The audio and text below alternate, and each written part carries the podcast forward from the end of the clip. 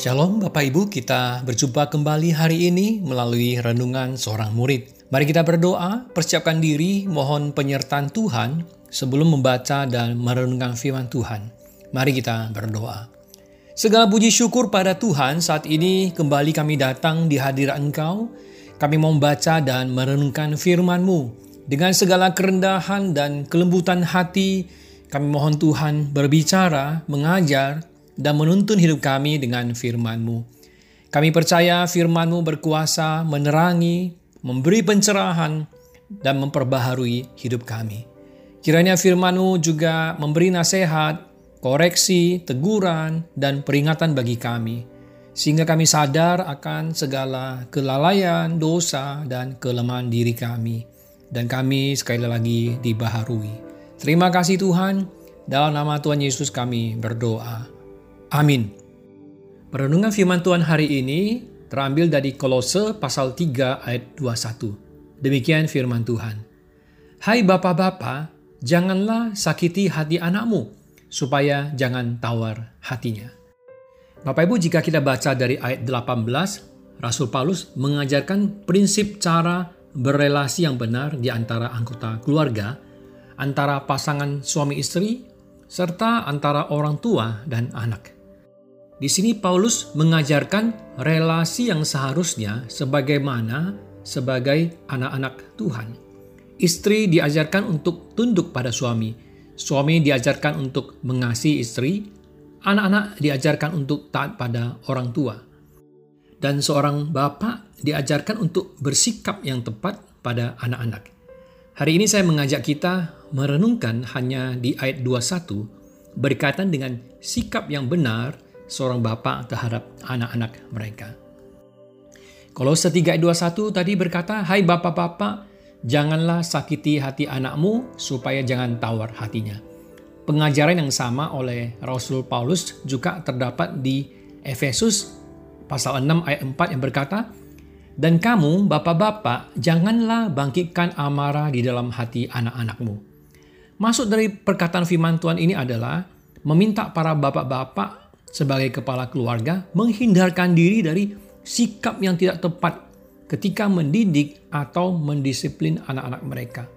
Sikap yang tidak tepat tersebut misalnya sikap yang merendahkan, melecehkan, mematahkan semangat, menjatuhkan mental, membuat tawar hati, hanya dan terus mengeritik, terus mengungkapkan kekurangan-kekurangan anak-anaknya.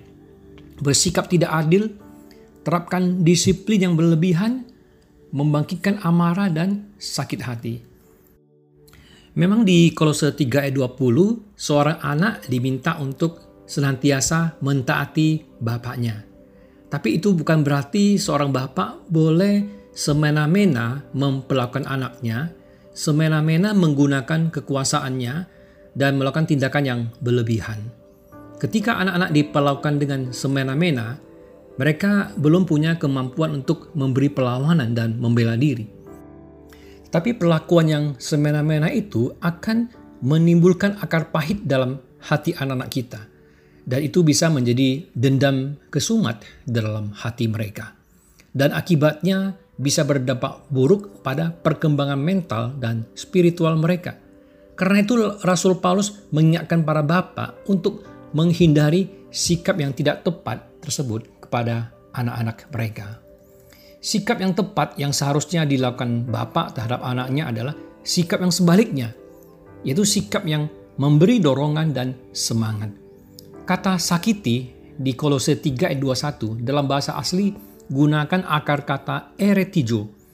Kata ini hanya muncul dua kali dalam perjanjian baru, yaitu di Kolose 3 ayat 21 tadi dan di 2 Korintus pasal 9 ayat 2. Uniknya, kata yang sama di tempat yang berbeda mengandung makna yang berbeda dan bertolak belakang. Ketika kata ini digunakan di Kolose 3 ayat 21, kata ini dipakai untuk makna yang negatif, yaitu kata sakiti. Tapi ketika kata ini dipakai di 2 Korintus 9 ayat 2, kata ini dipakai untuk makna yang positif dan diterjemahkan dengan kata perangsang atau pendorong atau pembangkit semangat. Jadi seorang bapak jangan menjadi orang yang mematahkan semangat anak-anaknya, melainkan menjadi seorang bapak yang senantiasa memberikan dorongan dan semangat, memberi pengharapan, memberi penerimaan, bisa menerima atau memaklumi kekurangan dan kelemahan anak-anak mereka. Tidak menuntut kesempurnaan, bisa memberi pengampunan dan kesempatan untuk berubah. Ada belas kasihan dan cinta kasih yang melimpah. Tidak hanya mengajari, tapi bisa jadi teladan jadi contoh buat anak-anak. Seorang bapak harus ciptakan suasana yang kondusif, positif, dan konstruktif dalam kehidupan berkeluarga. Jangan hanya berikan mereka house, rumah, tapi juga berikan mereka home, berikan mereka keluarga. Anak-anak bisa merasakan at home dalam kehidupan berkeluarga. Mereka bisa merasa aman dalam hati mereka merasa dicintai dan dilindungi. Seorang bapak harus menjadi orang yang dirindukan keberadaan diri mereka oleh anak-anak mereka, bukan orang yang dihindari, ditakuti, atau bahkan dimusuhi. Namun, ini bukan berarti kita tidak boleh menegur, menasehati, bahkan memberi disiplin pada anak-anak kita. Itu bukan juga berarti kita memanjakan, menuruti, dan memberikan apa pun saja yang anak-anak kita kehendaki. Tapi ketika kita menegur, menasihati dan mendisiplin mereka, itu semua dilakukan dengan cara yang tepat dan dilandasi oleh cinta kasih. Kemarahan jangan kemudian menjadi pelampiasan amarah, sehingga bukan saja bisa melukai fisik anak-anak, tapi juga hati mereka. Ada sebuah ungkapan mengatakan, "Love without discipline is not love." Discipline without love is not true discipline. Kasih tanpa disiplin bukan kasih, tapi disiplin tanpa kasih bukanlah disiplin yang sesungguhnya. Dengan kata lain, kasih dan disiplin keduanya harus ada dan seimbang. Dengan demikian, anak kita tidak akan berontak dan membenci kita. Mereka tidak akan membenci dan marah ketika diberi nasihat, teguran, dan hukuman. Karena mereka tahu tujuannya adalah untuk kebaikan mereka dan justru yang kita lakukan akan dilihat sebagai wujud kasih kita kepada mereka. Namun selanjutnya tidak cukup kita berikan cinta kasih dan home buat anak-anak kita. Kita juga harus berikan mereka firman Tuhan. Karena itu di Efesus 6 ayat 4, Rasul Paulus bukan saja melarang bapak-bapak membangkitkan amarah dalam hati anak-anak, tapi juga melanjutkan dengan perintah mendidik anak-anak dengan firman Tuhan. Efesus 6 ayat 4 mengatakan, Dan kamu bapak-bapak janganlah bangkitkan amarah di dalam hati anak-anakmu, tetapi didiklah mereka di dalam ajaran dan nasihat firman Tuhan. Kalau hanya sayang kepada anak atau mendidik anak menjadi anak yang bermoral, sopan, hormati orang tua, rajin belajar, maka itu bisa dan banyak dilakukan oleh orang tua non-Kristen. Tapi anak-anak ini di masa depan hidupnya tidak akan menjalani kehidupan sebagaimana yang dikehendaki Tuhan dan yang sesuai dengan nilai-nilai atau prinsip-prinsip firman Tuhan.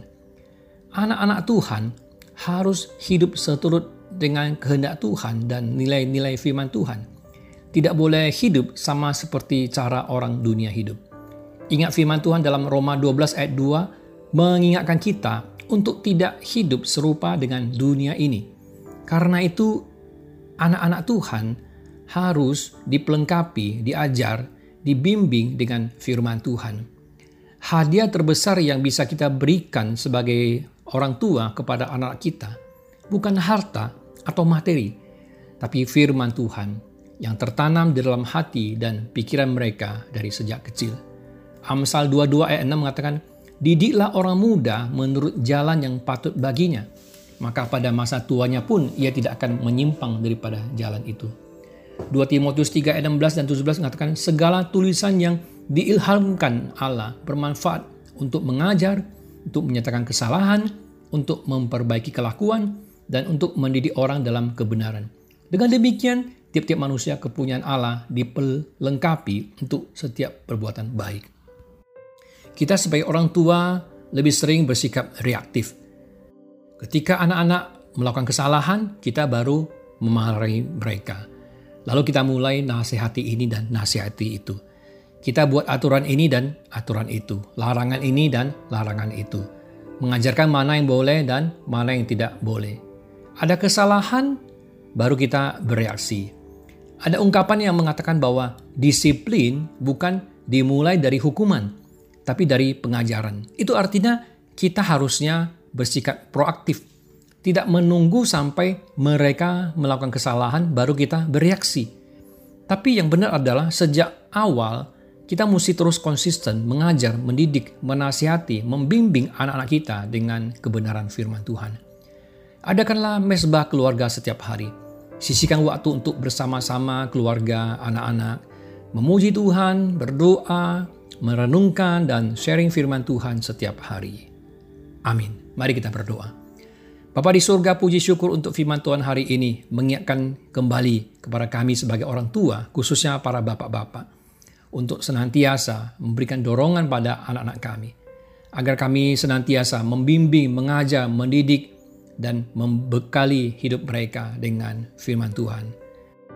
Mohon kiranya Tuhan terus sertai dan berkati keluarga kami. Dalam nama Tuhan Yesus kami berdoa. Amin.